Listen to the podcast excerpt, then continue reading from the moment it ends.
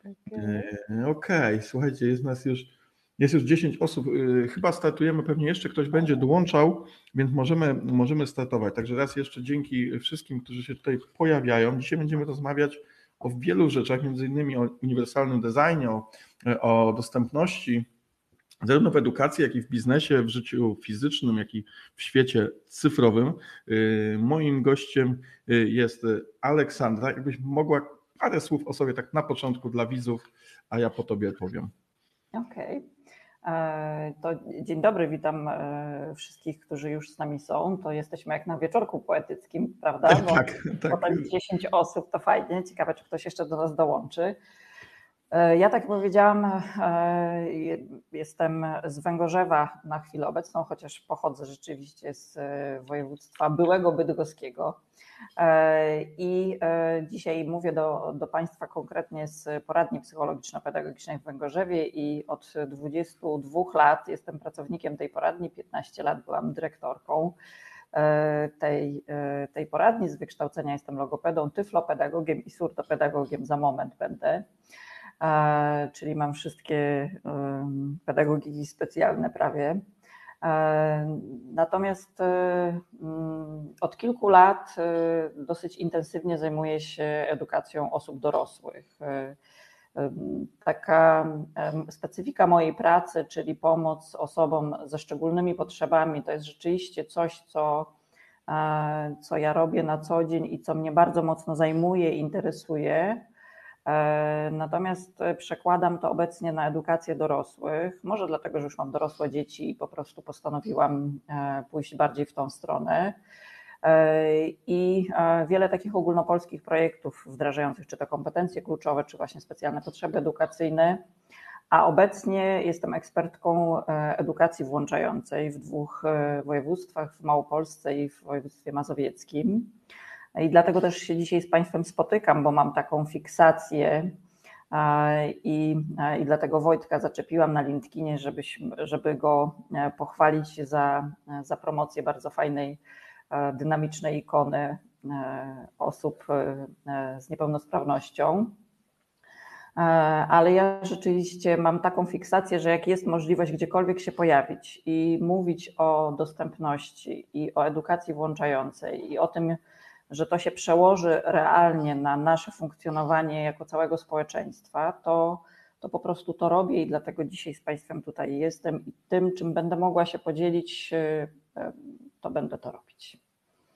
Okej, okay, dzięki, dzięki wielkie, że w ogóle przyjęłaś zaproszenie, bo właśnie to, to jest y, prawda, że spotkaliśmy się na LinkedInie y, w bardzo szczególnym kontekście. Ja zaraz o tym kontekście trochę powiem, ale najpierw trochę o sobie. Wojciech Popiela, ja się zajmuję projektowaniem oraz y, doradzaniem z zakresu user experience, czyli doświadczeń użytkowników. Głównie jest to obszar biznesu, również szkole, edukuję jako, jako wykładowca akademicki, też jako szkoleniowiec, trener, więc, więc to są takie obszary zainteresowania. No jeśli mowa o projektowaniu, no to nie sposób nie, nie, nie myśleć o tym, żeby do tego projektowania włączać jak najwięcej ludzi i, i w pewien sposób oddawać w swoim projekcie te różnice pomiędzy ludźmi, tak? Czyli tworzenie tworzenie rozwiązań, które będą uwzględniały, jak różnorodni jesteśmy, jak, y, jak y, każdy y, jest osobą indywidualną, to ma swoje potrzeby i, i tak dalej. I jakby powstało w branży tutaj sporo, sporo wokół tego pojęć. My poruszamy głównie dwa z tych pojęć, czyli pojęcie dostępności oraz pojęcie uniwersalnego designu, więc może troszeczkę o tym o tym zaczniemy, y, bo ta dostępność, dostępność ja definiuję ją trochę jako taki cel, żeby coś było dostępne dla jak najszerszej grupy. To się chyba kojarzy najbardziej z, z dostępnością dla osób z niepełnosprawnością, czyli ktoś ma Y, jakąś właśnie taką niepełnosprawność, tak i y, no dla niego coś tworzymy, tak, żeby to było dla niego dostępne, ale to jest ogólnie dużo szersze pojęcie, ponieważ no dostępność jest y, dla, dla wszystkich na różnych poziomach. Chociażby na przykład to, że nie wiem, mamy jakiś support, wsparcie techniczne, na przykład i ono jest na przykład 24 godziny na dobę. To też jest rodzaj dostępności, który możemy zapewniać bądź nie zapewniać. I w takim powiedzmy branżowym żargonie, no jednak ta dostępność jest gdzieś przede wszystkim, jeśli chodzi o te, o te specjalne potrzeby, ale to jest dużo szersze pojęcie. A jeśli chodzi o dostępność tutaj, jak, jak, jaka jest definicja w twojej, w twojej pracy, w Twoim obszarze przede wszystkim zainteresowania, jak to, jak to wygląda? Mm, wiesz, jakby nie należy zapominać o tym, że, że to jest jakby, że z tego to też wynika, prawda? Z tego, że Polska ratyfikowała konwencję o prawach osób e, niepełnosprawnych. Mhm.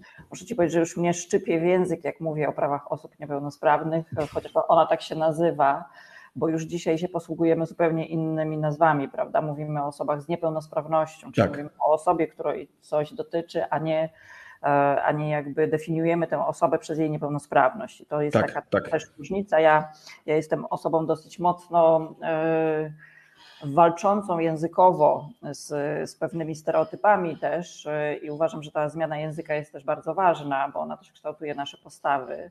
Natomiast no dlatego, że Polska ratyfikowała tą konwencję, to to się po prostu jakby zaczęło dziać w taki bardzo dynamiczny sposób już wtedy od, od tamtego czasu. I dzisiaj mamy prawda, ustawę o dostępności, o zapewnieniu dostępności osobom ze szczególnymi potrzebami. I ja ten język już bardzo lubię, e, bo, e, bo już wtedy nie mówimy, że dostępność to jest coś, co robimy ze względu na osoby z niepełnosprawnościami, tylko że państwo strona ma zapewnić pełną dostępność wszystkim osobom ze szczególnymi potrzebami na równi, żeby mogły funkcjonować w społeczeństwie na równi z wszystkimi innymi osobami. I to jest taki język inkluzji, który do mnie bardzo przemawia i to nie jest, to nie są wymyślanki, jak, jak niektórzy mówią, e, ponieważ to rzeczywiście zmienia e, nasze myślenie. Nie? Jak kilka razy zaczniesz tego używać, to po czasie, no tak jak mówię, potem zaczyna cię razić, że ktoś mówi inaczej, prawda? Bo,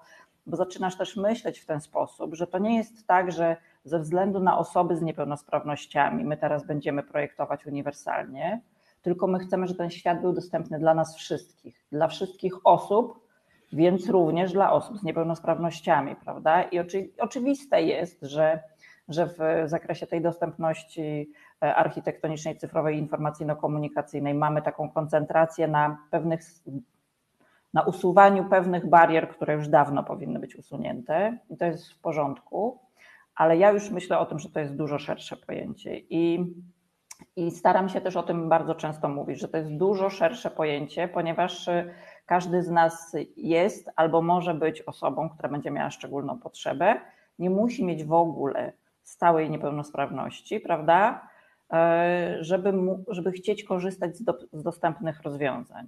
I, e, I to, co dla mnie takie jest fajne w edukacji, na przykład, gdzie się już projektuje uniwersalnie e, szkoły, na przykład, to to właśnie to, że osoba z niepełnosprawnością, na przykład ruchową, kiedy się porusza po tej szkole, to ona nie musi się zastanawiać, czy jest dla niej jakieś wyznaczone miejsce, w którym ona mhm. może e, się poruszać. Okej, okay, okej. Okay. Poruszyliśmy od razu ten temat e, uniwersalnego e, projektowania, czyli ten uniwersalny design. On jest obecny e, na, na różnych płaszczyznach. No, moją specjalizacją jest oczywiście płaszczyzna cyfrowa i to się również pojawia. No i teraz właśnie, jakie są te pryncypia, o co, o co w tym chodzi? W dużym skrócie chodzi o to, żeby projektować w taki sposób, żeby tego nie trzeba było adaptować dla jakiejś konkretnej grupy, tak, że to jest na przykład to jest dla was, a to jest dla was, tak, jak, mhm. e, jak nie wiem, poruszasz się na przykład na wózku, no to to jest e, tylko dla ciebie, to jest specjalne, tego inni ci nie dotykają, tak, a, a to mhm. są dla osób, które powiedzmy tak. poruszają się na nogach, tak, i czyli włączamy, włączamy w to wszystkich, myślimy o wszystkich. I teraz może od razu taki życiowy przykład, który mam zapisany, wiem, że też masz nie jeden życiowy przykład, bo rozmawialiśmy o tym wcześniej i, i chociażby, ja mam tutaj ten niskopodłogowy autobus po części. No, jeśli, mhm. e, no kiedyś mieliśmy oczywiście te autobusy, że tam trzeba było się piąć w górę, tak, to było e, bardzo, bardzo nieprzyjemne. I, ja zawsze, jak, jak za, dzie, za, dzieciaka, to, to jakoś tak tego nie lubiłem, zawsze się bałem, że gdzieś tam wpadnę i, i po mnie, pomiędzy ten autobus a ten przystanek, także to było traumatyczne. E, jeszcze drzwi się potrafiły zamknąć, ale tak na mnie na przykład. No, ale, ale e, już dosyć o, o moim dzieciństwie, o, o, traumach, ale właśnie niski, niski autobus. Teraz tak, no, oczywiście on pomaga w sposób oczywisty osobom, które na przykład poruszają się, mają jakieś problemy z poruszaniem się, tak, jakby jakieś, jakieś mhm. trudności, ale to pomaga wszystkim, nawet tym, którzy, nie wiem, jeśli złamie nogę, to też będzie mi wygodniej, jeśli, nie wiem... A ja jak chodzę w szpileczkach i w wąskiej spódnicy, to jak myślisz, do którego tramwaju czy, czy autobusu będzie mi wygodniej wsiąść? Do tego, gdzie tam tą nogę trzeba tak. zadzierzgnąć do góry? tak, tak, no to by mogło się skończyć no właśnie, więc tych osób, które, e, które korzystają z tych rozwiązań, e, moglibyśmy teraz wyliczyć bardzo wiele, prawda? I tak. właśnie o to chodzi, żeby zacząć myśleć w ten sposób, że jeśli coś jest zrobione e, intuicyjnie i dostępnie, to po prostu jest użyteczne, prawda? To jest tak. dobre, to jest dobre, to jest użyteczne, to służy ludziom i nie musimy naznaczać i palcem pokazywać, komu konkretnie służy, bo służy bardzo wielu ludziom, mhm. prawda? E, taka zmiana myślenia, która myślę, że towarzyszy nam od jakiegoś czasu, to jest taka, że, że dopiero jesteśmy na etapie uznania, że rzeczywiście osoby ze szczególnymi potrzebami, w tym osoby z niepełnosprawnościami, no żeby w końcu jako społeczeństwa uznaliśmy, że no to jest ważne i trzeba to zrobić, prawda? I oczywiście to się dzieje przy okazji tego, że, że ktoś tam nas kolanem naciska z jakby z poziomu prawa. I dla mnie to jest oczywiste, że tak się dzieje, ale to dobrze, że tak się dzieje, że ktoś takie prawo tworzy i że w końcu cały, mm, jakby cały wachlarz usług publicznych y, jest zobowiązany do tego, żeby to zrobić. Że w końcu osoba z niepełnosprawnością nie musi prosić o dostęp y, do jakiejś usługi, do, do, do jakiegoś budynku, tak? tylko E, tylko już ktoś docisnął kolanem i w końcu trzeba, e, trzeba będzie to zrobić. I, e, i to, co dla mnie by było też ważne, żeby, żeby to się tak przeformułowało w głowie, że to nie jest na zasadzie takiej, że oj, przychodzi osoba, która się domaga, tylko że jeżeli ona przychodzi i nie może zrealizować swojej potrzeby, to ja robię wszystko jako osoba reprezentująca jakąkolwiek instytucję publiczną, że chcę, żeby, żeby to było dostępne i zrobię wszystko, żeby tą barierę zlikwidować, prawda? Więc jeśli ja reprezentuję usługi e, edukacyjne, to chcę robić w swojej pracy wszystko, żeby likwidować bariery. Dzisiaj na przykład prowadziliśmy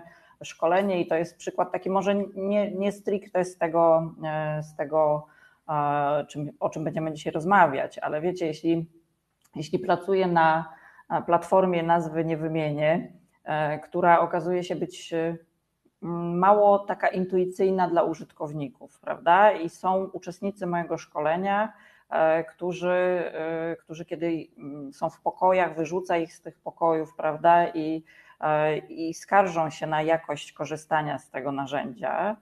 I ja po czasie już się orientuję, że to nie są problemy techniczne po ich stronie, tylko rzeczywiście to jest mało intuicyjne narzędzie to po czasie przeformułowuję szybko szkolenie tak, żeby już ich nie dzielić na te pokoje i żeby oni mogli korzystać i fajnie uczyć się tak w, w taki dostępny dla siebie sposób. I oni na koniec e, dziękują za to. Czyli ja nawet nie muszę mówić, że będę to robić, tak? Czyli nie mówię, a to te, od teraz nie będę Państwa dzielić już na pokoje, żeby Państwu było dobrze, tylko robię to e, jako ten usługodawca i oni na koniec dziękują, bo zauważają tę zmianę i oni uczyli się w sposób, który był dla nich dostępny i dobry, prawda? Czy tak może wyglądać każda usługa edukacyjna? Może i powinna. I w taki sposób bym chciała, żeby wszyscy też reagowali, że jest potrzeba po drugiej stronie, to ja się nie obrażam, tylko robię wszystko, żeby to było dobre i dostępne dla tych ludzi. Mhm, myślę, że tutaj perspektywa biznesowa e, zaczyna być bardzo podobna. Oczywiście tutaj celem jest, cel jest trochę inny, ponieważ no tutaj jest oczywiście ten edukacyjny. Tutaj są też pewne naciski, tak jak powiedziałaś, prawne, ale no w biznesie są oczywiście pieniądze. Tak? Jest, na pewno są grupy mhm ludzi, są potencjalni klienci, którzy, których można do, włączyć tak, w, ten, w, to, projektowanie. I to jest co ciekawe, no, to projektowanie yy, yy, uniwersalne, ono też odnosi się do, tego, do tych specjalnych potrzeb, które wcale nie muszą być stałe, one nie muszą mieć takiego charakteru yy, immanentnego, który to jest jakąś naszą cechą i, i tyle, tego, to jest niezmienne, tylko sytuację yy, krótszą bądź dłuższą czasowo, czyli chociażby jesteśmy w pomieszczeniu, w którym jest hałas, tak? albo mamy słabe dostęp do internetu, mamy, e, nie wiem, coś nam się stało, tak? mamy nie wiem, chwilowe problemy na przykład ze wzrokiem albo coś takiego. Kiedyś, kiedyś właśnie o tej chwilowej niepełnosprawności mówił, mówiono tak, że no wyobraźmy sobie, że korzystamy z jakiejś aplikacji, na przykład właśnie w silnym świetle, gdzie na przykład nie widzimy za dobrze ekranu i tak dalej, więc pewne rozwiązania wtedy też będą działały jeśli będą zaprojektowane dobrze na samym początku, żeby było jak najwygodniejsze. I że to nie jest tak, że to powinniśmy robić, bo, bo akurat te osoby mają, powiedzmy, no, cały czas się zmagają na przykład ze słabym wzrokiem, tylko możemy to robić y, także dla tych, którzy mają to przez pewien czas, bo, bo tak się po prostu dzieje. I ta wygoda staje się uniwersalna, stąd znowu te uniwersalne wartości, y, które, y, które tutaj mamy. Jeszcze na mojej liście mam dodatkową rzecz, to znaczy design, który jest inkluzywny również, czyli włączający różne grupy do, do uczestnictwa. To ja może krótko o, o, tym, bo ostatnio trafiłem na świetne świetny przykład, gdzieś tutaj może podlinkujemy stronę potem, jak to będzie już na YouTubie. Y, to była aplikacja, która się nazywała Chatwork i to było bardzo ciekawe, że na całej stronie y, bardzo konsekwentnie stosowano y, różnych reprezentantów, różne grupy osób, tak? Od, od, od kogoś, kto jest starszy, kogoś, kto, jest, kto ma czarny kolor skóry, ktoś, kto jest biały, tak? ktoś, kto mhm. powiedzmy ma taką czy inną budowę ciała, także bardzo, bardzo ciekawie to było zrobione przedstawicieli różnych religii i tak dalej. Także to była bardzo fajny, fajny element takiego projektowania się inkluzywnego, który zapraszał do, do korzystania również y, osoby z różnych, z różnych kultur, z różnych środowisk i tak dalej. Także to jest jakby kolejny aspekt jeszcze tego wszystkiego. Z jednej strony uniwersalnie dla, dla istot ludzkich projektujemy, z drugiej strony włączamy też charakterystyczne grupy i chcemy, żeby oni byli reprezentowani w naszym designie, y, czy to w biznesie, czy też w nauce. No w nauce to tym bardziej. Y, mhm. pewnie. Może parę słów o tym, jak to wygląda? I że wiesz, i że to nie jest takie wow, nie, że ktoś to robi, bo e, mhm. jakie to ma znaczenie dla mnie, jak ja chcę kupić sukienkę w sklepie internetowym, e, mhm. jaka modelka ją ma na sobie, tak? Czy ona e, czy ona jest innego koloru skóry, wyznania, nie wiem, e, co, co to ma dla mnie za, za znaczenie, mhm. jeśli, jeśli, jeśli ona ma na sobie sukienkę, którą ja chcę kupić, tak? E, to, e, to, to samo w edukacji, tak? E, mhm. Dlaczego no rzeczywiście badania to pokazują, pokazują, prawda, że mamy takie reprezentacje, jeśli chodzi o podręczniki i o, o różne inne materiały używane, mhm. że, że to są rzeczywiście na przykład, tak, zawsze zawsze jest to biały człowiek gdzieś tam, który się pojawia. Tak, oczywiście to się wszystko bardzo zmienia i, e, I, ja na przykład jestem osobą taką już zupełnie niewrażliwą na zauważanie, że to jest jakaś różnica. Wiesz o co chodzi. Dla, mhm. Jakby dla mnie ta różnorodność jest taką rzeczą zupełnie normalną, tak? Czyli dla mnie to jest taki świat, w którym ja chcę żyć. Ja chcę żyć w takim świecie, w którym jest różnorodność. I jeśli, mhm. jak, jak jest różnorodność, to ja się czuję wtedy dobrze i bezpiecznie jak jest y, za bardzo homogenicznie, to ja się czuję niepewnie, prawda? Bo sobie myślę, że coś jest chyba nie halo, jeśli wszyscy hmm. myślą tak jak ja i są wszyscy tak. podobni. Można, można zadać sobie pytanie, czy aby na pewno jestem w tej grupie. Dokładnie, dokładnie, tak. dokładnie tak. To tak jak z tymi bańkami informacyjnymi, tak? Jak jesteś y, w mhm. jakiejś bańce informacyjnej i wszyscy tak ciągle tak samo myślą, to po prostu przestajesz się uczyć tak. i przestajesz się rozwijać i to tak działa. I jeśli jeśli my pokazujemy świat różnorodny, ale nie na zasadzie takiego wow, dzisiaj przyjdzie do Was nauczyciel, który jest osobą z niepełnosprawnością ruchową. Nie, to, to niech to jest taki naturalny, normalny obraz naszej rzeczywistości, prawda? Niech to się po mhm. prostu dzieje, że, e, że ludzie, którzy, e, którzy są wokół nas, e, po prostu żyją w dostępnym świecie i dzięki temu, że żyją w dostępnym świecie, wszystkie osoby mogą się realizować i mogą się uczyć, a dzięki temu e, no to o co by chodziło w biznesie, tak, że, e, że stają się też naszymi pracownikami e, i, i są współtwórcami na przykład różnych kreatywnych rzeczy, które, które się potem będą dobrze komuś sprzedawać, prawda? Więc mhm. Społeczeństwo jest zainteresowane tym, żeby mieć E, tak zwanych beneficjentów e, usług socjalnych, tak, jak najmniej, a nie jak najwięcej. No to jeżeli społeczeństwo tym jest zainteresowane, to chce pełnego włączenia wszystkich ludzi. Na takim poziomie, na jakim ci ludzie mogą się włączyć do, do aktywnego życia i uczestnictwa po prostu. Mhm.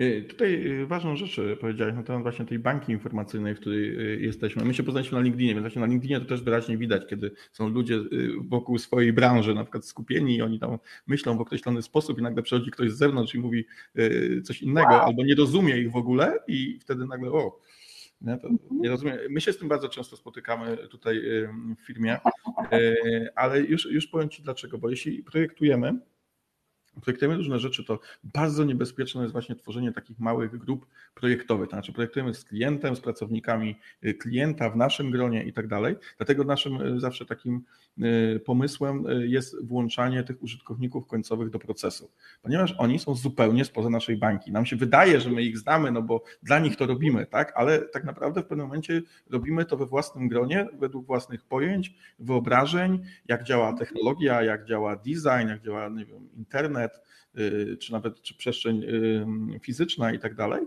Więc jesteśmy zamknięci. Dopiero włączenie do procesu wszelkiego rodzaju badań z użytkownikami, wywiadów, testów z osobami, które są tym końcową, końcowym klientem, który będzie z czegoś korzystał, to dopiero oni nam pokazują, jak zupełnie inaczej myślą ci ludzie, jaki, jaki inny mają mindset, jakie inne mają pojęcia, wyobrażenia, jak naprawdę korzystają z naszego, y, z naszego produktu. Także tutaj biznesowym ujęciu to tym bardziej, a jeśli jeszcze dołączymy do tego e, inkluzję osób z różnych grup, e, nawet tych, które są powiedzmy tylko jakimś niewielkim procentem użytkowników danego rozwiązania, to to pokaże nam jeszcze e, szerszą perspektywę, która, która jest no, niezwykle, niezwykle istotna. Okej, okay, okej. Okay. Mam kolejny punkt zapisany, że czy istnieją takie obawy, czy, czy masz takie wrażenie, że czasem jest obawa, że ten design e, uniwersalny, czy design, który ma właśnie włączyć e, różne, różne osoby, że jest taka obawa, że on coś zabiera tym innym, tym, którzy są powiedzmy dominujący w danej grupie. Czyli na przykład załóżmy, że są ci ludzie, tak nazwijmy to, bez niepełnosprawności i on, że jeśli design będzie też dla tych osób z niepełnosprawnościami, to on coś będzie im zabierał, tym, tym mhm. powiedzmy zdrowym, tak? I oni coś stracą, oni czegoś nie będą mieli. Nie? Czy, czy spotykasz się z tego typu e, obawami, opiniami? oczywiście, oczywiście, że tak. E, teraz jak e, jako eksperci szkolimy bo w całej Polsce są realizowane projekty z dostępności, prawda? Mamy dostępny samorząd, dostępny urząd skarbowy, prawda, i wszystko jest w dostępności, bo też wiemy, że nawet przepisy budowlane, prawda, zmieniły się w taki sposób, że już od roku 2020 nie możemy mieć zatwierdzonego żadnego projektu e, budynku publicznego, który spełnia funkcję publiczną, e, który nie będzie uniwersalnie zaprojektowany, prawda? Bo każda już taka, e, każda taka instytucja, która będzie zbudowana, ona musi uwzględniać zasady uniwersalnego projektowania, prawda? I e, teraz jak, e, jak szkolimy, to są projekty ogólnopolskie, to muszę powiedzieć, że pierwsza reakcja jest taka, dobra, okej, okay, okej, okay, tak fajnie wszystko mówisz, nie? Ale Ola, o co chodzi, nie? Tak naprawdę, nie? To powiedz, o co chodzi, co się stanie, nie?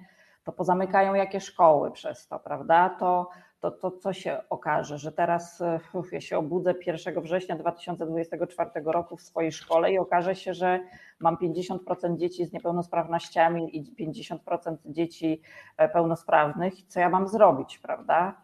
I e, jakby chcąc uspokoić wszystkich, chcę powiedzieć, że dzieci naprawdę niepełnosprawne, z niepełnosprawnościami to nie są e, dzieci, które gdzieś tam wam spadną z nieba i zaczną chodzić do waszej szkoły, tylko one są wokół was. Po prostu nie wiem, rozejrzyjcie się i zobaczcie, hmm. gdzie, gdzie, ci ludzie, gdzie ci ludzie wokół was są.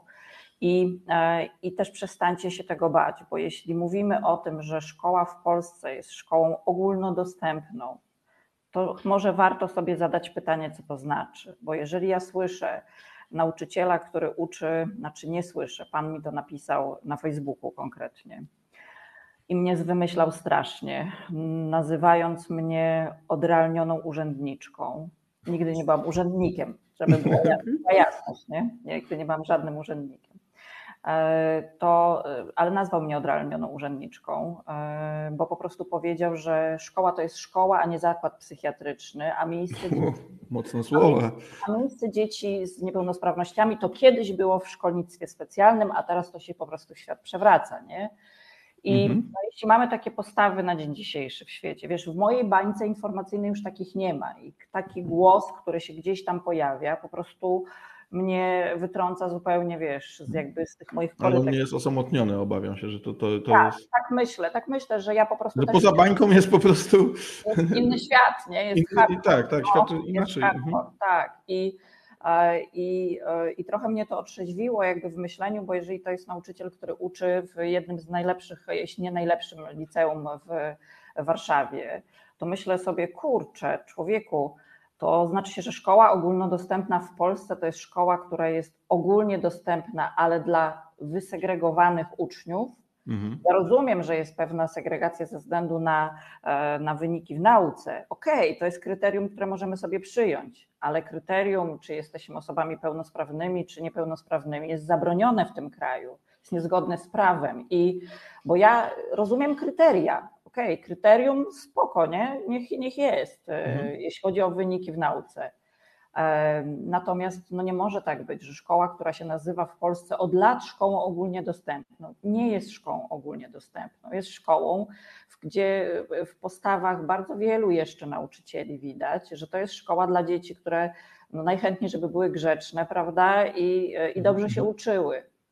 No, żyjemy w świecie tak zróżnicowanym. Dzisiaj patrząc, ja tak patrzę, na e, katalog e, tych specjalnych potrzeb edukacyjnych, to każda osoba ma specjalne potrzeby edukacyjne. Zresztą często to powtarzam, że niechby ktoś spróbował o moim prywatnym dziecku powiedzieć, że jego potrzeby edukacyjne są niespecjalne, to bym przegryzła tętnicę po prostu. Nie, nie, nie pozwalam tak mówić. Nie pozwalam, nie pozwalam tak myśleć o żadnym dziecku i o żadnym uczniu i żadnej uczennicy, że ich potrzeby edukacyjne są niespecjalne.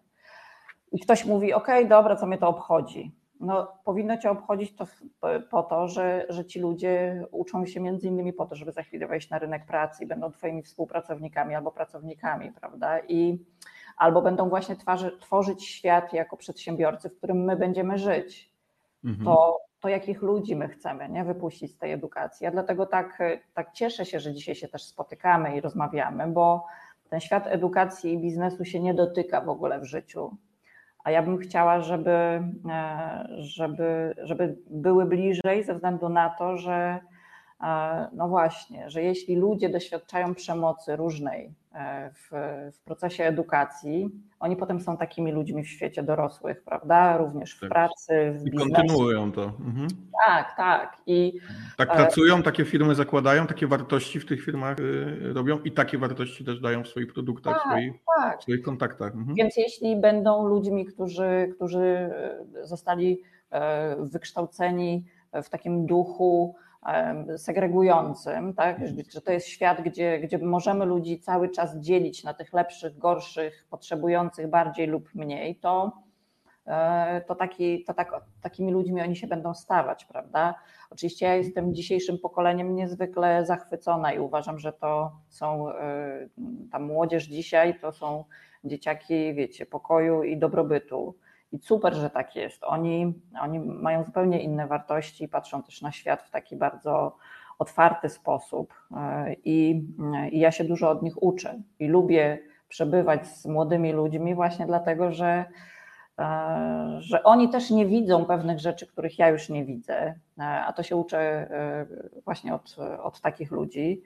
E, I chciałabym, żeby, żeby to wyrastało takie pokolenie, nie? żeby to byli ludzie, którzy będą taki e, świat tworzyć, że jak ja za chwilę będę starszą osobą z trudnościami w poruszaniu się i z może różnymi innymi trudnościami, mhm. to oni od razu będą intuicyjnie wiedzieć, że to nie ja mam sobie poradzić z tym, tylko oni mają tak zaprojektować świat, żebym ja się mogła po nim bezpiecznie poruszać. Mamy mhm. jakieś pytania na czacie. Tak, mamy pytania na czacie. Może to jest dobry moment tak na chwilę przerwy. Mhm. E, e, tak, Iwona pisze e, tak. A czy często włącza się do etapu researchu osoby z niepełnosprawnościami, na przykład do testów funkcjonalnych? Chodzi o to, jak weryfikowany jest projekt pod kątem dostępności, czy jedynie wdrożenie i odczykowanie. Mhm. To jak, jak to, to, to takie pytanie pewnie bardziej do mojej branży, właśnie projektowania produktów cyfrowych. To zależy, tak? jak to wszystko w branży. No to trochę zależy, kto jest po drugiej stronie, kto jest tym zleceniodawcą i jakie ma też trochę podejście do tego. Bo wiadomo, że to zawsze jest też jakiś koszt, tak, zaprojektowanie dodatkowych rzeczy, dodatkowych testów i tak dalej. No i niestety w biznesie te koszty się tnie, nie? Także taka, mhm. taka jest, jest prawda. Chyba, że mamy właśnie nad sobą pewnego rodzaju tutaj przymus. To się powoli zmienia i włączenie, włączenie do testów funkcjonalnych osób o, o szczególnych potrzebach zaczyna się pojawiać. I teraz zależy też od tego, jakie właśnie mamy te wymagania. Bo jeśli to jest taki ściśle komercyjny projekt, no to to zależy od właściciela tego, tego produktu. Tak? Czy on będzie chciał to zrobić, czy też nie będzie chciał to zrobić. Zależy też od samej charakterystyki samego produktu, to jest jak on czuje. Nie? Bo na przykład dla osób z niepełnosprawnościami na przykład Netflixowi na przykład pewnie się opłaca. Jakby, no niestety to są tego rodzaju kategorie. Przede wszystkim to się opłaca, nie? Żeby, żeby oni to, to oglądali, czy, czy, czy słuchali, czy yy, potrafili yy, się w tym poruszać sprawnie, dzięki temu, że to jest dobrze zaprojektowane, a pewnie w niektórych rozwiązaniach no to yy, ktoś podchodzi że okej, okay, to jest tak niewielki, niewielka grupa, że, że my ją marginalizujemy trochę świadomie. I teraz mhm. oczywiście można to zrobić tak, że ktoś przychodzi ekspercko e, i, i, i działa e, i wtedy e, mamy swoją wiedzę ekspercką. Ja, ja się bardzo dużo nauczyłem z tego, z tego zakresu właśnie przy projektowaniu dla samorządów, kiedy robiliśmy aplikacje i po prostu było tam szereg osób, które byli programistami, ale jednocześnie mieli dużą wiedzę na ten temat i potrafili ją też przekazać, wyobrażenie, jak to powinno działać, bo ogólnie testy testami, ale jakby samo myślenie o, o takich specjalnych potrzebach to jest też pewien mindset. To jest pewnego wczucie się. To nie jest tylko checklista, to nie są tylko testery. One oczywiście też istnieją, jakieś automatyczne aplikacje, które to weryfikują i tak dalej, ale to jest mindset. Jak, jak to jest? Jeśli nigdy nie spróbowaliśmy na przykład y, skorzystać z czytnika albo skorzystać, zakupić jakikolwiek produkt w dowolnym sklepie, mając na przykład zamknięte oczy, czy tam opaskę, to nie mamy żadnego wyobrażenia, jak to jest. Ja, ja tutaj też y, w filmiku y, i, i może do, do, wszystkich y, zebranych też podeślę potem taki, takie fajne, interaktywne testy, które można z, zrobić na sobie. Specjalne strony, które pokazują, jak to jest korzystać ze stron internetowych, właśnie mając wyłączone pewne, e, pewne powiedzmy zmysły, czy zakres tych zmysłów, nie? czyli e, co jeśli na przykład mam bardzo słaby wzrok, albo nie widzę w ogóle i tak dalej. I można zobaczyć, czy uda się zaliczyć za pomocą narzędzi, które są oddane do dyspozycji, te testy, czy uda się kupić na przykład te buty, które są w danym zadaniu i wtedy dopiero zaczynamy myśleć, po co to jest.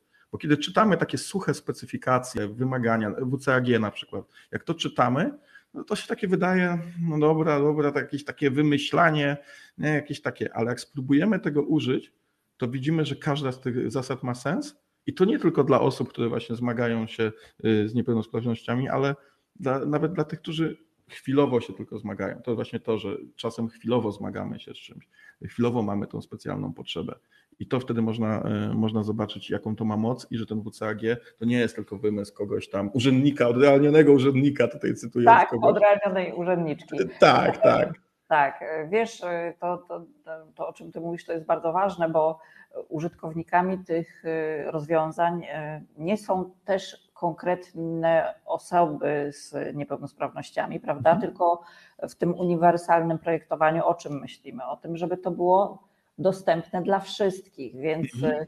więc jeśli e, dajemy po prostu jakiejś grupie osób do, do sprawdzenia, czy to jest fajne, intuicyjne, czy można szybko z tego skorzystać, tak? Czy aplikacja, nie wiem, ma wysoką tolerancję na błędy na przykład, mhm. prawda? Że ja nie muszę procesu e, tak. zakupów zaczynać od początku, kiedy okazuje się, że tam gdzieś przy płatności wybrałam nie tę płatność, którą chcę, czy ja mogę się cofnąć o jeden krok, czy muszę po prostu wrócić z powrotem do swojego koszyka i zacząć to od nowa, tak? I, mhm. e, i czy to się przekłada na, na, na lepszą sprzedaż? Jasne, że się przekłada, tak. na pewno tak jest. I, mhm. e, I nie jest to tylko i wyłącznie ze względu na osoby, które mają szczególne potrzeby, prawda? Tylko na każdego klienta, więc e, a ja uznaję, że akurat ja jestem e, osobą z różnymi, z różnymi szczególnymi potrzebami, e, nie mając stwierdzonej medycznie żadnej e, niepełnosprawności.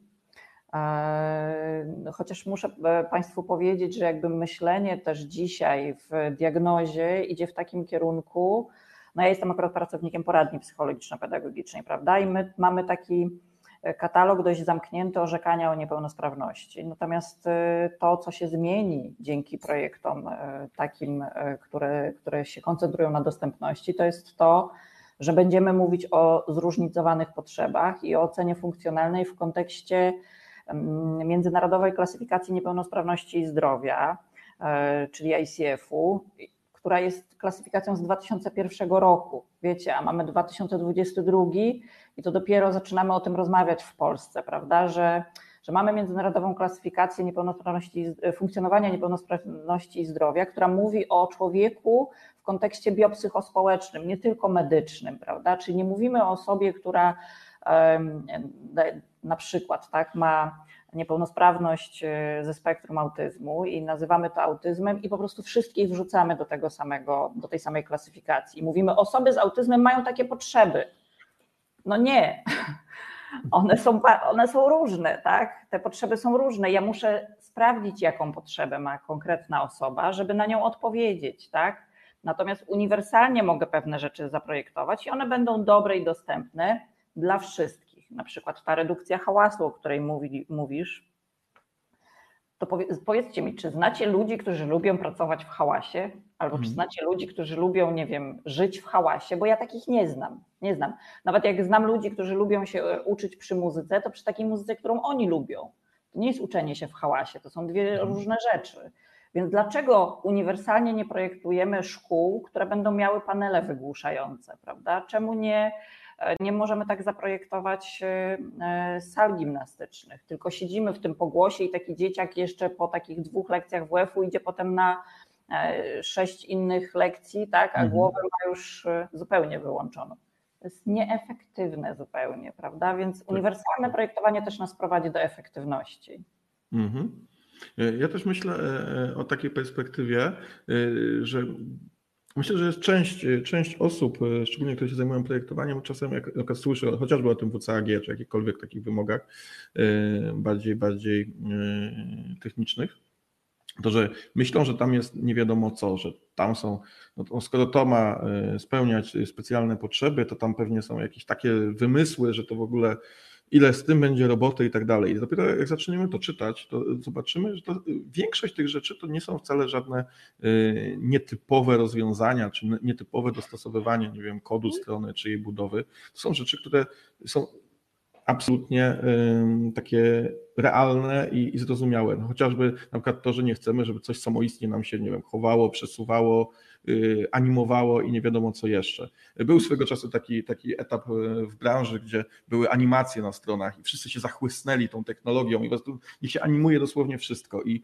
y, dla części ludzi to było irytujące, dla, dla osób ze specjalnymi wymaganiami, no to było uniemożliwiające pewnie jakąś interakcję, ale ogólnie usunięcie tego pomagało wszystkim, bo ktoś nie był wkurzony, a ktoś inny mógł w ogóle tego użyć. Więc y, jak się tak zaczyna czytać te, te, te pomysły na to, jak projektować, no to wychodzi na to, że wszystkim to wyjdzie na dobre i to nie jest żadne zubożenie, tylko to jest y, zrobienie tego tak, że jest po prostu lepiej dla wszystkich, bo właśnie nie, mamy lepszą interakcję, lepszą hierarchię, lepszą czytelność, lepsze kontrasty y, i, i to po prostu odpowiada na potrzeby takie żywotne właściwie każdego człowieka, tak? To, to w różnym wieku, w różnym e, stanie fizycznym, psychicznym i tak, i tak dalej. Także no, ta uniwersalność jest normalna, no i ona, jeśli to jest wygodne w użyciu i nie frustruje, a niektórym jeszcze nawet w ogóle umożliwia korzystanie z naszego rozwiązania, no to też się pojawiają te pieniądze, no bo wiadomo, no one muszą się gdzieś tam zawsze się pojawić, gdzieś tam e, przekonują najbardziej, niestety. No takie, takie są trochę realia biznesowe, ale no to jest naturalna kolej rzeczy, że jeśli o to zadbamy, no to zadbamy, dbając o wygodę i o użyteczność, no to zaczynamy też zarabiać, więc, więc to nie jest coś, co pochłonie tak, tylko tak, pieniądze tak. i o, nie? bo tak ale, sobie ktoś wymyślił. Mhm. Ale wracając właśnie do tego, o czym wcześniej, o co wcześniej pytałeś, prawda, że czy to coś komuś zabiera, no to jeżeli my to mhm. uniwersalnie projektujemy, to to nikomu nic nie zabiera, prawda, to nikogo nie ogranicza. A wszystkim w różnym stopniu daje po a prostu. Daje, tak. Niektórym da trochę mniej, a niektórym dużo więcej. Mhm, mhm. Bo my na przykład nie tworzymy przestrzeni tylko i wyłącznie dla osób niewidomych. Nie tworzymy przestrzeni tylko i wyłącznie dla osób poruszających się na wózku inwalidzkim, tak? My tworzymy przestrzeń, która jest dostępna, intuicyjnie można z niej korzystać. Każda osoba. Mhm. Właśnie o to chodzi, żeby był też ten, wiecie, w tych zasadach uniwersalnego projektowania, to co ja lubię właśnie, to in, tą intuicyjność, tą, tą wysoką tolerancję na błędy, prawda? To no, ten niski wysiłek fizyczny. No przecież w mhm. aplikacjach też chodzi o to, żeby był niski wysiłek fizyczny, prawda? Żeby nie było trzeba nie wiadomo ile tam klikać, no tak. tylko, tylko widzimy, czego użytkownicy potrzebują i, i, jak szybko dojdą do celu, żeby kupić to, co my im chcemy tak. sprzedać, tak? Więc, więc to jest jasne. A ja, mm, a ja mam takie marzenie, żeby to się zaczęło dziać w edukacji, żeby w edukacji było tak, że e, wszyscy, którzy edukacją się zajmują, e, jakby zrozumieją, że uniwersalne projektowanie edukacji nikomu niczego nie zabiera, że nie sprawia, że teraz e, e, staniemy się, cytując pana, o którym już wspominałam, zakładami psychiatrycznymi i że nie staniemy się takimi instytucjami, które, które będą, nie wiem, instytucjami niskiej jakości, tylko tworzymy warunki e, przyjazne człowiekowi do uczenia się. I ja myślę, że my w Polsce mamy trochę z tym problem, bo my mamy, wiecie, taką martyrologię w głowie i my chcemy, żeby było trudno, bo jak jest trudno, to jest wtedy wartość, nie? Te mhm. powiedzenia bez pracy nie ma kołaczy, prawda? To, to, co wiecie, co w głowach jest po prostu.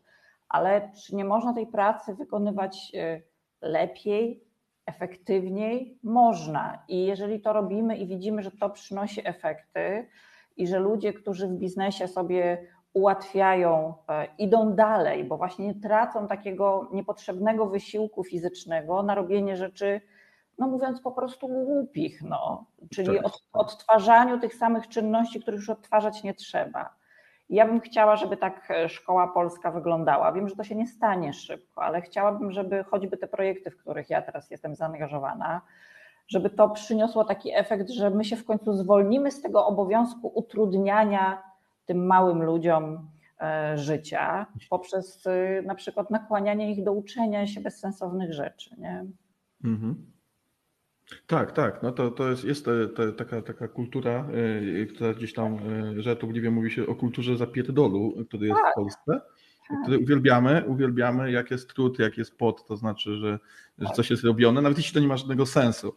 Nie? Jakby trochę, trochę e, to przy właśnie e, temu, jak realnie e, dochodzić do dobrych wyników, no bo właśnie powinniśmy redukować to wydatkowanie energii i tak naprawdę rozwiązania chociażby cyfrowe czy biznesowe, które będą redukować no, nasze wydatkowanie energii, czy to kognitywnej, czy to fizycznej, tak, to one będą wygrywać na rynku, zresztą to już się dzieje, tak, no jeśli ja mogę coś zrobić szybciej, lepiej, bez wysiłku, no to po prostu to robię. Tak? I jakoś wydaje mi się, że w świecie edukacji to tak nie działa. W sensie, jeśli tak jest działa, szybciej tak i lepiej, działa.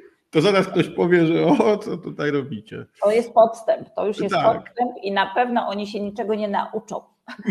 tak. Wiesz, to tak jak ja jestem zaangażowana bardzo w Fundacji Hybrydowa Szkoła. Hybrydowa Szkoła mhm. powstała właśnie w czasie zdalnej nauki kiedy my jakby na tej fali chcieliśmy zachęcić ludzi do tego i przez to też e, pracowaliśmy bardzo intensywnie z nauczycielami, żeby zachęcić ich do tego, że jak się skończy pandemia, to takim dobrodziejstwem postpandemicznym chcieliśmy, żeby było korzystanie właśnie z, z rozwiązań cyfrowych. I, mhm. no i wiecie, co się stało. I wrócili wszyscy do szkoły stacjonarnej i wszystko zniknęło, prawda? Czy jest taka możliwość, że dzisiaj ktoś, y, nie wiem, y, łączy się z uczniami, zdarza się i cudownie, że tak jest, prawda? Natomiast wiecie, w uniwersalnym projektowaniu chodzi o to, żeby żeby był standard i jakość się mówi, nie? Więc y, chodzi o to, żeby ta jakość była standardem, a nie sprawą incydentalną. I jeśli ja słyszę, no ale są szkoły, w których no, nauczyciele, jak uczniowie, nie wiem, są chorzy na przykład, prawda, to,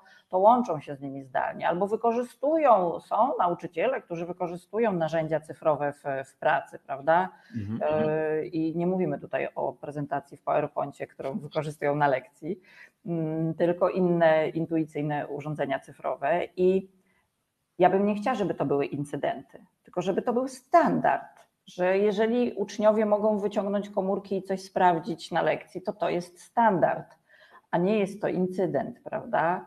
Że mamy e, różne rozwiązania cyfrowe, z których oni mogą korzystać na lekcji, to żeby to nie było incydentalne, tylko żeby to był standard, bo to przyspieszy niezwykle, e, niezwykle proces uczenia się. Wiecie, to tak jak się taki brzydki żart jest, ale powiem go, że mówi się, że wiecie, że jeżeli się pojawia jakaś potrzeba, na nową rzecz, to nauczyciele się zapisują na szkolenie, a uczniowie wyciągają telefony i szukają odpowiedzi w, w Google, nie? I wiemy, kto znajdzie szybciej, prawda? Mhm. Jeśli nadal to tak wygląda w ten sposób, no to to, to nas nie prowadzi do, e, do, do lepszych rozwiązań. To my się zamykamy ciągle w tych bańkach swoich i w nich zostaniemy. Jeśli odłożyliśmy komputery i cyfrowe rozwiązania, e, który, z których korzystali wszyscy w czasie pandemii, z powrotem do szafy przysłowiowej, to, to, to nie ma szansy na zmianę po prostu. To nie ma szansy na zmianę.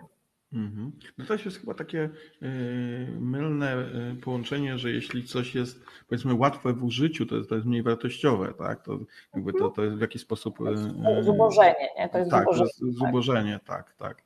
Ja mam tutaj jeszcze też kilka takich pytań mm, dodatkowych, bo powiedzieliśmy o tym, że ogólnie ta edukacja wpływa na, na biznes, bo jakby trochę czym skorupka tak za młodu nasiąknie i tak dalej. A czy to w drugą stronę działa? Nie? Czy na przykład biznes jakoś wpływa e, na tą zmianę, którą mamy w edukacji? Czy takie te procesy w tę stronę też idą, czy, czy nie? Jasne. W ogóle wszystkie zmiany e, w edukacji zawsze idą z biznesu.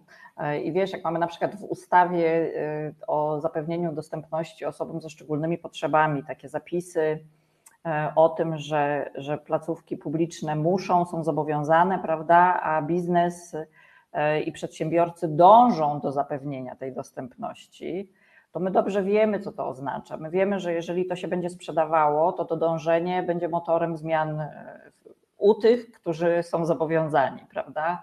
E, I zawsze tak było, jest i będzie, myślę, że E, edukacja się zmieniała zawsze przez biznes, e, rozumiany również jako placówki edukacyjne, które są niepubliczne, które muszą na siebie zarobić.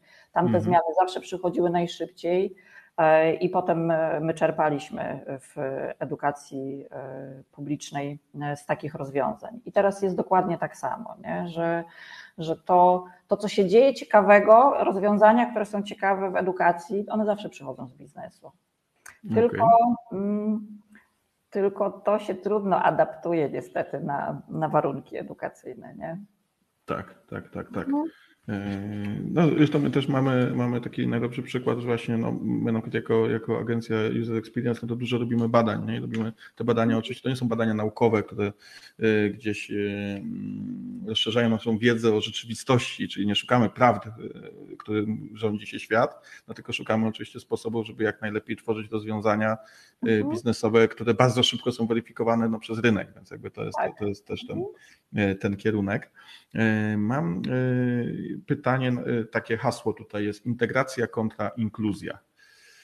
Jak, jak, jak tutaj to, y, mhm. jak to działa? No, jak działa integracja? Jeżeli mówimy o integracji, to mówimy o tym, że musimy kogoś ze sobą zintegrować, prawda? Mhm. Jak mówimy o inkluzji, to mówimy o tym, że wszyscy jesteśmy tacy sami, czyli że, że wszyscy jesteśmy e, społeczeństwem, które jest różnorodne. Inkluzja mówi, każdy z nas może mieć, ma, nie wiem, miał potrzebę. E, mhm. I ja na przykład, e, no wracając znowu do tego przykładu, tak z tym, e, z tym, z tym autobusem niskopodłogowym, no każdy z nas z tego korzysta po prostu, tak? I natomiast integracja zakłada, że kogoś z kimś trzeba integrować. I pytanie jest, czy to jest na zasadzie zmuszania do tego, że będziemy się integrować, mhm. czy na zasadzie takiej, że ktoś jest lepszy, ktoś jest gorszy i teraz ktoś kogoś do siebie przyjmuje E, I oczywiście, wiecie, tak, rozwój pewnych myśli w społeczeństwie zawsze przebiega w ten sposób, że no my się po prostu rozwijamy. To ja nie chcę teraz mówić, że jestem taka mądra i zawsze tak myślałam, bo to nieprawda, ale, e, ale jakby jeśli chodzi na przykład o edukację, no to szkolnictwo integracyjne zrobiło ogrom dobrej roboty, bo, bo już to był krok do tego, żeby zacząć myśleć o potrzebach osób z niepełnosprawnościami. I tu integracja zrobiła bardzo wiele. Natomiast y, już teraz jest czas na pójście dalej, czyli na to, że skoro wszyscy mamy te same prawa, skoro szkolnictwo w Polsce jest ogólnie dostępne, to niech ono wreszcie jest ogólnie dostępne, tak? I, e, i nie może być mowy o tym, że jakakolwiek instytucja publiczna w tym kraju e, jest dedykowana tylko osobom, no, które się do niej dostaną, które będą mogły z niej skorzystać. Ona ma być taką instytucją, która jest dostępna dla wszystkich. Tak? I, e, I w tym musi być też szkoła. A teraz wyobraź sobie, Wojtku, potem taką sytuację na rynku pracy. To jeżeli ja mam, mhm. chodziłam, chodziłem do takiej szkoły, tak, w której wszystko dla mnie było dostępne, to ja potem też jestem takim pracownikiem, który się nie zastanawia, czy ja, hmm, jak jestem na wózku i jak się poruszam na wózku, to jak ja wyjadę dzisiaj z domu, to czy ja dam sobie z tym, z tym radę, bo ja mhm. sobie przez całą edukację dawałem z tym radę, to jak ja mam sobie nie dać rady, prawda? Mhm. I, i to samo stanie się wtedy, kiedy, e, kiedy mnie dotknie e, jakaś sytuacja, z którą ja się będę musiała zmierzyć, ona będzie dla mnie nowa, trudna, będę miała jakąś szczególną potrzebę. Ja po prostu będę spokojna, że żyję w kraju, w którym e, w którym po prostu będę mogła się swobodnie poruszać, będę mogła korzystać z wszystkiego, co, co jest mi potrzebne do normalnego funkcjonowania. Okej, okay, okej. Okay. Dzięki wielkie za, za tę odpowiedź. Mam kolejną, kolejne pytanie. Także yy, pojęcie, y, które nazywa się niewidoczną y, dostępnością. Coś, coś mhm. może y, więcej na ten temat, bo coś takiego tutaj też się spotkałem. Jakbyś mogę trochę rozwinąć tę myśl. No to rozwijaj, to rozwijaj. To znaczy nie, to właśnie bardziej pytanie do Ciebie właśnie, bo jak to, jak to działa. Nie, niewidoczna dostępność, bo coś takiego się tutaj pojawiło, kiedy, kiedy zbierałem mhm. trochę pytań mhm. do nas. I... Nie, chcę zgady, nie chcę zgadywać, czym jest niewidoczna dostępność, ponieważ ja się z tym pojęciem e, nie mhm. powiem, że się nie spotkałam, natomiast e, nie, nie zgłębiałam i nie chciałabym, e, nie chciałabym zgadywać. Okay. Gdybym miała ją zdefiniować, to bym ją zdefiniowała jako właśnie coś, nad czym my się dzisiaj nie koncentrujemy i nie naznaczamy tego, tak? Mhm. Tylko korzystamy i ona się po prostu dzieje naszą codziennością, tak? Po prostu. Okej, okay, okej. Okay. Rozumiem, mhm. czyli że po prostu w pewien sposób ta dostępność staje się tak codzienna i tak oczywista, że, tak. że ona znika po prostu. Że ona po prostu znika, dokładnie tak. To jest, okay. wiesz, jak powietrze, którym oddychasz i się nie zastanawiasz, czy jak się przemieścisz z pomieszczenia do pomieszczenia. Czy ono dalej tam będzie. Mhm, mhm. Czyli można, y, y, można powiedzieć, że to jest trochę taki y, jakby końcowy cel, do którego próbujemy zmierzać tym uniwersalnym, uniwersalnym projektowaniem? Że właśnie nie, tego, żeby... nie, bo nie możemy sobie określać żadnych końcowych celów, ponieważ Aha. żyjemy w procesie i ja jestem zwolenniczką takiego myślenia e, wiesz, językiem korzyści, a w języku korzyści to ja rozumiem, że rozwój nie ma końca po prostu, nie? Okay. Że nie ma takiego czegoś, co będzie na końcu, bo ja wiem, że e, potrzeby społeczne się pojawiają bardzo dynamicznie, bardzo. I, e, I ta dynamika, bym powiedziała, że nabiera na sile, więc jeśli one się zmieniają dynamicznie i są coraz bardziej dynamiczne, to ja sobie wyobrażam, że nie ma takiego momentu, w którym dojdziemy i powiemy, mhm. wow, żyjemy już w takim. No, no osiągnięte, nie, tylko zawsze jest coś dalej, zawsze, zawsze coś jeszcze można poprawić. Albo coś mhm. nowego się pojawia. Okej, okay, dobra. Tak. E, e, dobra, dobra. E, pamiętam, że jeszcze przed webinarem, jak chwilę rozmawialiśmy, to mówiliśmy o, o tych tekstach łatwych do czytania, i, a ja z kolei się wymieniłem pojęciem UX-owego pisania i mhm. pojawiło się też narzędzie, które się nazywa jasnopis. E, tak, tak. To może troszeczkę właśnie o tych łatwych tekstach, a ja trochę o jasnopisie, bo, mhm. bo to jest narzędzie, które każdemu polecam. Mhm.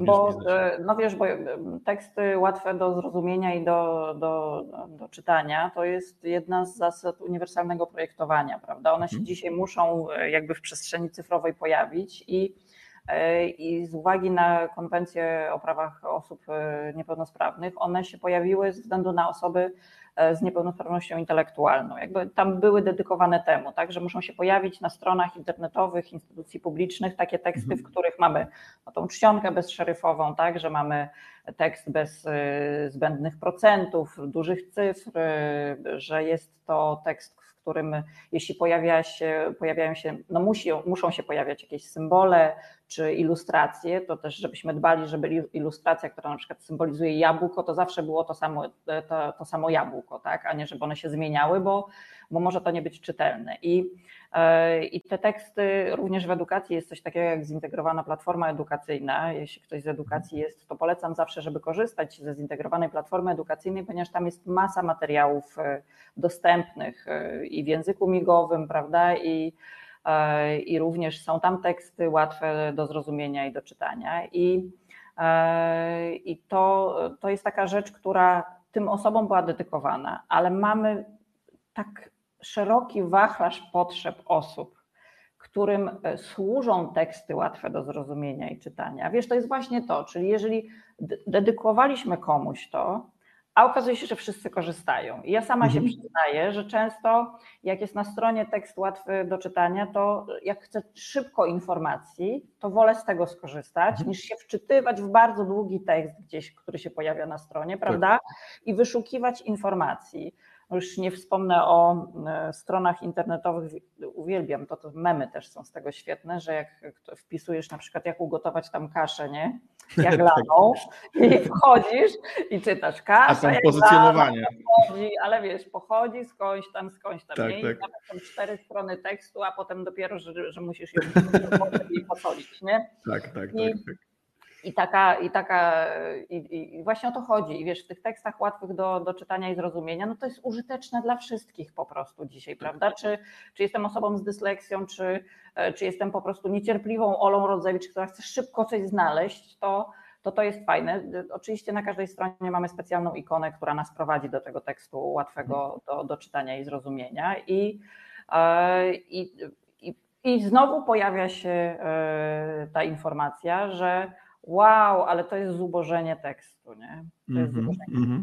Okej, okay, nie odpowiada ci, to nie czytaj po prostu, ale są osoby, którym to służy i, yy, i okazuje się, że jest bardzo szerokie grono e, osób, którym to służy, prawda? A w edukacji ja nie ukrywam, że dla mnie też e, jest to użyteczne w takim uniwersalnym projektowaniu edukacji, czyli taki moment wyjścia, gdzie nie muszę uczniów różnicować na lekcji, bo mogę dać im przygotowany tekst łatwy, a potem go e, rozbudowywać. Tak? I są tacy, którzy za mną pójdą dalej, a są tacy, którzy już nie pójdą, ale oni dostaną to, czego potrzebowali. Prawda? I, e, i to sprawia, że właśnie nie różnicuję wtedy tych uczniów. Nie, nie mam dziesięciu różnych kartek, ten dla, dla osoby z dysleksją, ten no dla tak. osoby z, ze spektrum autyzmu, ten dla kogoś tam jeszcze, tak? ten dla osoby słabowidzącej, tej dla osoby słabosłyszącej nie, ja po prostu mam pewien tekst, z którego wszyscy mogą skorzystać, y, albo nie tekst, albo mam to w formie cyfrowej, prawda, i korzystamy mhm. z komputerów na lekcji na przykład, y,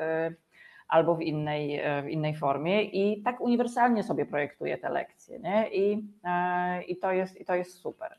A o jasnopisie. E, jak tak, to, to ja parę, parę słów. No bo oczywiście pisanie jasne, pisane zwięzłe, takie e, klarowne, no to też jest e, no w biznesie bardzo ważne, no bo ludzie nie chcą tracić czasu na czytanie o ofertach, ale jeśli już czytają, no to chcą dowiedzieć się tego prostym językiem, tak żeby to po prostu zrozumieć. Tak? No nikt nie chce się mhm. uczyć nie wiadomo jakich pojęć, no bo to on ma zapłacić, a nie, że, że ktoś jemu zapłaci, żeby się czegoś tam nauczył o, o, o naszym produkcie. Więc jest bardzo fajne narzędzie jasnopis, polecam każdemu. Jasnopis działa w ten sposób, że wrzucamy swój tekst. To może być tekst na przykład nie wiem, reklamowy, czy tekst na bloga, czy tekst y, o ofercie, czy o czymkolwiek tak naprawdę, czy jakiś tekst mhm. edukacyjny na przykład.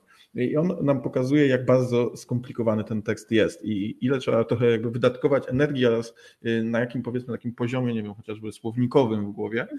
y, trzeba być, żeby ten tekst dobrze zrozumieć. Ja to absolutnie polecam każdemu, kto pisze coś na stronie internetowej, chce jasno i klarownie przedstawić swoje myśli. Jest też inne ciekawe narzędzie, teraz wypadło mi z głowy nazwa, ale e, była taka zabawa, że wrzucało się, że pisało się w tym narzędziu tekst. E, I można było korzystać z bardzo ograniczonego słownika. To znaczy, jeśli próbowało się napisać słowo, które nie było w tym ograniczonym e, e, słowniku, to ono po prostu nie przechodziło w tym edytorze. Było podkreślone, że nie zostanie zapisane. Napisz to łatwiej. I to uczyło bardzo takiego zwięzłego pisania. To było tylko w języku angielskim. Nie wiem, czy ktoś stworzył polski odpowiednik, ale też bardzo, bardzo ciekawe podejście. No i oczywiście to samo strukturyzowanie tekstu, tak, no, na stronach internetowych czy w produktach cyfrowych jest arcyważna. E, widzę, że Iwona jeszcze pisała. Tak. Nie, tak, że podobno część banków w Polsce podpisało zobowiązanie dotyczące inkluzywności udostępnienia. Nie mam pojęcia, szczerze mówiąc. Znaczy, ja powiem Państwu, że moje dorosłe dziecko, które studiuje ekonomię w, na Uniwersytecie Gdańskim, właśnie obroniła pracę dyplomową, e, pisała o, e, o zapewnianiu dostępności głównie w bankowości elektronicznej i badała, robiła badanie, prawda, za pomocą specjalnych aplikacji dostępności tych, tych stron bankowych. Bardzo różnie one wypadły, e, ale, e, ale prawda jest taka, że, że banki bardzo się starają, żeby, żeby było coraz lepiej, prawda? Więc jakby ja też mam takie uznanie zawsze dlatego, że biznes e, coś robi w tym kierunku, prawda? Że jeżeli ma określone, że dąży do czegoś, to jednak dba o to i wiemy to dobrze wszyscy, jak tu jesteśmy że im ktoś jest potężniejszy, tym, tym wyznacza lepsze standardy, tak? Czy to jest Netflix, czy, czy, czy to są duże sieci handlowe, to one wyznaczają pewien standard, z którego potem inni mogą się zapatrzyć i się uczyć. Tak. E, ale ja mam ogromną wdzięczność do tego, że ludzie to robią po prostu, tak? Czyli też pokazują taki standard, wiecie, tak jak w dobroczynności jest, e, że, że, że, że to ich obchodzi, tak? Mówią, obchodzi mnie to, że ktoś, że ktoś nie może skorzystać z, z mojej aplikacji, to zrobię tak, żeby ona była dostępna i fajnie i wielkie dzięki i patrzmy na to, uczmy się o takich największych, żeby, e, żeby ten świat również e, tworzyć tam, gdzie my jesteśmy. Tak, znaczy no z góry idzie przykład, więc e, czasem są różne głosy takie krytyczne, że na przykład no właśnie jakieś reklamy są, nie wiem, co to ma do biznesu na przykład, że nie wiem, jakaś marka na przykład mocno promuje tak. E, nie wiem, no, na przykład modelki plus size na przykład. I że, to, to, to, że po co to, to nie ma nic wspólnego z ich produktem, po co to robią, ale to jednak, jednak zmienia nasze postrzeganie rzeczywistości, no bo to się pojawia wszędzie wtedy i każdy, każdy widzi, że coś jest na rzeczy, że ten świat jednak zaczyna wyglądać trochę inaczej, więc ten przykład z góry idzie, to, to, to jest oczywiste.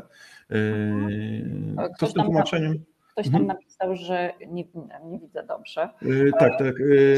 Że logos, a ja logos też znam, tak, rzeczywiście. Rzeczywiście to mhm. też jest fajne narzędzie. Mhm. I było pytanie o Hemingway. Chyba tak się nazywało to narzędzie. Właśnie teraz, teraz mi to zupełnie wypadło z głowy. A z tym tłumaczeniem na ludzkich zapisów jeszcze bankowych, to yy, abstrahuję od tego, że nie, nie kojarzę tego, co tam podpisywali, jakie zobowiązania, ale z tym ludzkim językiem, to, to oni nawet y, sprzedażowo tego potrzebowali, bo jest też y, M-Bank chyba w tym przodował Potem były inne banki, też nawet na billboardach było na przykład, że jasne zasady, że powiemy ci prostym językiem, co podpisujesz, że jak pożyczasz tysiąc, to masz oddać 1500, a nie, że y, roczna stopa przy zmienności takiej wynosi 15, ileś, jeśli będzie, nie wiem, księżyc w fazie wodnika, to i ja muszę sobie to wyliczyć i wiadomo, że nie mam pojęcia o co chodzi, tak, tylko tak, y, tak, więc, tak. więc to, to, to myślę, że to nawet rynek to wymusił, że po prostu traciło się na tym klientów, a bank, który umiał wyjaśnić to przystępnym językiem, no po prostu zwyciężał. Zresztą to w większości branż jest tak. Dobry handlowiec to jest też dobry doradca na przykład, który umie wytłumaczyć pewne pojęcia, a nie strzela jak z karabinu y, jakimiś słowami, kluczami i nikt nie wie o co chodzi i robi taką magię dookoła, że czego to on nie zrobi, więc, więc y, zrozumienie. Jak, jakie zna trudne słowa, istotne. prawda? Że tak, już, tak. Już jest w słowniku na Z i zna wszystkie trudne Tak, także do, dokładnie, dokładnie tak to, tak to wygląda. Jak jesteśmy przy trudnych słowach, ostatni, ostatnio taką rzecz, którą mam zapisaną, to jest jeszcze o, o tym, jak język właśnie wpływa na nasze wyobrażenia, jak niekiedy ten język ma coś tam pod spodem, to znaczy są pewnego rodzaju takie y, ukryte intencje, można powiedzieć. I to mam taki przykład, że na przykład transplantolog to jest bardzo trudne słowo, ale jakoś nikt go nie podważa, ale na przykład chirurżka jest równie trudnym słowem i wszystkim przeszkadza, więc jak to jest? I szczypie w język. I tak, tak, tak, tak, aż trudno tak. wymówić. Czemu tak, tak jest? Tak, tak, tak. To jest właśnie to, wiecie, te feminatywy są teraz bardzo na topie i one, są, są. E, I one się gdzieś tam przetaczają w tej dyskusji publicznej. Ja też e, jestem bardzo e, wyczulona, bo, bo chcę powiedzieć, że wiecie, to tak jak z, z, inkluzją. To nie jest tak, że ja od razu to do mnie przyszło i ja od razu to zrozumiałam, ale to jest tak, że jak człowiek to poczuje, to już, to już nie może żyć tak. inaczej, prawda? I, I wierzę, że to tak w rozwoju ludzi jest, że no nie wszyscy muszą to dzisiaj tak, tak rozumieć i tak czuć. Natomiast moją rolą już dzisiaj jest to, żeby uczulać jednak na to, i e, w edukacji, e, a potem ci wszyscy w edukacji, którzy wyjdą z edukacji, będą członkami e, naszego społeczeństwa, są naszymi sąsiadami, współpracownikami, prawda, usługobiorcami, usługodawcami. To jeśli w edukacji posługujemy się językiem, w którym mówimy, a teraz do odpowiedzi Kasia, a teraz, a teraz Wiśniewski, albo mówimy, a teraz do odpowiedzi y, nasza autystka, to wiecie, to, to jest język, który jest językiem segregacyjnym i nie, ja już nie toleruję takich rzeczy po prostu. Nie mam zupełnie na to zgody i akceptacji. Jestem bardzo niedobra, jak słyszę, kiedy ktoś robi takie rzeczy ponieważ e, jeżeli mówimy o osobach, to ustalamy, że jeżeli zwracamy się do uczniów i uczennic po imieniu, to mówimy do nich po imieniu. Nigdy nie mówimy o osobie z niepełnosprawnością e, przez pryzmat jej niepełnosprawności. E, prawda? Nigdy nie mówimy o, o osobie, która się nazywa Ola Rodzewicz, że, że to jest autystka, prawda? Tylko, tylko jeżeli chcemy powiedzieć o jakiejś tam osobie coś, że jej coś do, ją, ją coś dotyczy, to mówimy, że to jest osoba z autyzmem, prawda? Że to jest mhm. osoba z dysleksją, że to jest osoba. Ja czasami, czasami robiłam z nauczycielami takie rzeczy, nie? że jak, jak tak bardzo się buntowali, to, to mówiłam, ok, no to jak teraz bym e, weszła na radę pedagogiczną i powiedziała, a teraz niech podniosą ręce wszyscy, którzy mają łupież, nie? Albo wszyscy, którzy mają hemoroidy to co, bylibyście oburzeni, prawda? A wchodzicie do klasy i mówicie, dobra, teraz podnoszą ręce wszyscy, którzy mają e, opinię o dysleksji, albo podnoszą wszyscy, ale słyszałam, że w mojej klasie jest ktoś, kto ma cukrzycę, nie? I wiecie, no po prostu nie, nie robimy takich rzeczy i uczmy się tego. Ja nie mówię, że to się nie może zdarzyć, bo się zdarza po prostu. Ja się cały czas też uczę, jak e, głowa tego państwa, prawda? Ja się cały czas uczę. Natomiast e, chcę powiedzieć, że, no, że jest jednak tak, że, że to się po prostu dobrze, żeby to się zmieniało i niech się te mhm. standardy zmieniają i niech się ten standard zmienia na taki, że, że jeżeli e, uznaje za normalne słowo e, słowo transplantolog i suicydolog, to za normalne słowo uznaje słowo chirurżka, jeśli pani E, która jest chirurżką, życzy sobie, żeby do niej się w ten sposób zwracać. Tak? Jeśli ja jestem logopedką i życzę sobie, żeby mówić do mnie, że jestem logopedką, to, to po prostu rób tak, no rób tak, nie? I, i nie oceniaj tego i nie, nie filozofuj na ten temat. I, mm -hmm. i wiecie, nawet w swoich mediach społecznościowych napisałam takie, taki post o tym, że język dotyczący niepełnosprawności się też zmieniał w ostatnim czasie. Kto pamięta, że o osobie z niepełnosprawnością intelektualną jeszcze naprawdę całkiem niedawno mówiło się debil, kretyn, prawda? Mm. To są dzisiaj określenia obraźliwe. No tak. a, a, kiedyś były to jednostki, gdzie kwalifikowaliśmy po prostu mhm. niepełnosprawność, prawda? Potem było upośledzenie umysłowe w stopniu tak, lekkim, tak. umiarkowanym, znacznym, a dzisiaj mówimy o osobie z niepełnosprawnością. Czy to nie jest język inkluzji, czy to nie jest coś, co sprawia, że, że nie naznaczamy nikogo, prawda? Bo wiecie, naprawdę e, potrafiłabym u każdej osoby coś znaleźć i powiedzieć o niej coś, co by sprawiło jej przykrość, e, i każdy znalazłby coś we mnie, i, i, i, prawda, i mógłby to zrobić. To dlaczego ja sobie pozwalam, albo my sobie pozwalamy jako społeczeństwo, naznaczać w ten sposób osoby ze szczególnymi potrzebami. Ja tego nie mogę zrozumieć, po prostu nie mhm. mogę tego zrozumieć. Tak, tak. Znaczy, no to, to jest też tak, jak mówisz, jakby to też nie jest tak, że na przykład ja czy, czy, czy ktokolwiek jesteś, jesteśmy jacyś oświeceni. Tak na pewno też popełniamy tak. mnóstwo gaw, dalej jakby gubimy się trochę w tych słowach, bo też jest, byliśmy wychowani no, inny, no, w kulturze pewnie rodziców czy, czy, czy naszych dziadków czy i tak dalej. No, jednak to były trochę inne, to się tak mówi, ale to były trochę inne czasy. Nie, jakby nie patrzeć, tak? Jakby w, w, tym było osadzone. No wtedy to nie było nic dziwnego, nie widziało się w tym niczego, niczego mm, złego. Te czasy się zmieniają, y, oby na lepsze, w tym mhm. zakresie na lepsze, różnie to bywa, więc, więc jak najbardziej, więc to ma też odzwierciedlenie i, i, i w edukacji, i w biznesie, i w projektowaniu, i w języku. No wszystkie te rzeczy mhm. podlegają no, tej um, ewolucji, no i jakby też na projektantach, czy, czy na badaczach, czy, czy na y, tutaj ciele pedagogicznym, tak, no, spoczywa ta odpowiedzialność y, za to. Tak. wiesz, taka zasada, e, która myślę, że wszędzie się sprawdza, to jest to, że nie zakładam, że coś wiem lepiej od osoby, która, której dotyczy potrzeba, Mhm. tylko pytam, czego potrzebujesz. Tak? A to już w ogóle bardzo jest i biznesowe, i edukacyjne to, że Tak, czego żeby potrzebujesz. pytać, pytać, pytać, pytać zarówno y, użytkowników na przykład w biznesie, jak i klientów, czego potrzebują, ale tak nie, nie wprost, ale na przykład o ich historię, o ich, y, o ich motywację, o ich decyzje, o ich życie, o ich historię i wyciągać wnioski, poznawać ich. No to jest, to jest bardzo, bardzo istotne. Tak. żeby to robić. Także ja jestem zwolennikiem badań wszelkiego rodzaju jakościowych, więc taki trochę mój konik.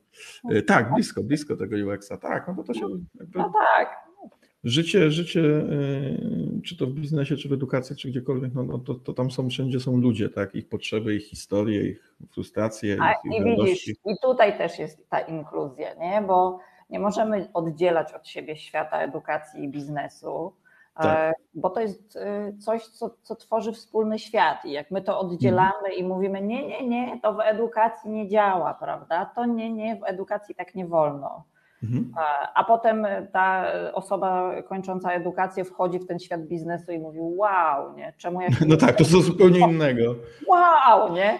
E, No, a, a jeśli my będziemy to ze sobą łączyć, to no my w hybrydowej szkole jesteśmy takim e, ciałem pedagogiczno-biznesowym i my po prostu co strasznie się nakręcamy tym, nie? że każdy ma inne doświadczenia, ale robimy różne rzeczy razem, bo okazuje się, że mamy wspólne wartości po prostu. I, e, I na bazie tych wspólnych wartości robimy świetne rzeczy.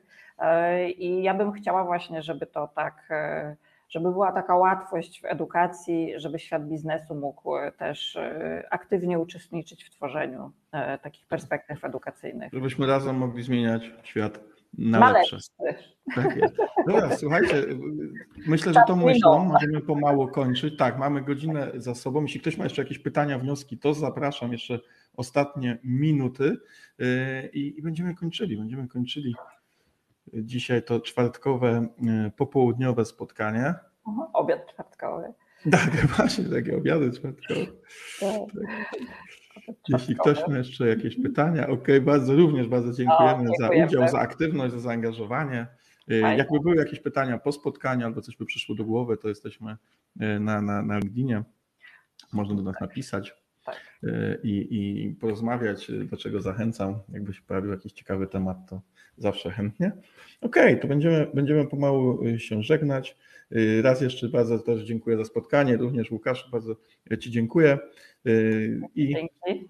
może będzie jeszcze okazja właśnie, może coś jeszcze nagrać w przyszłości. Zobaczymy jak to będzie. To dzięki wielkie raz jeszcze za uczestnictwo, dzięki za przyjęcie zaproszenia i żegnamy się. Nagranie będzie na YouTubie, także będzie Okej. można sobie obejrzeć jeszcze raz.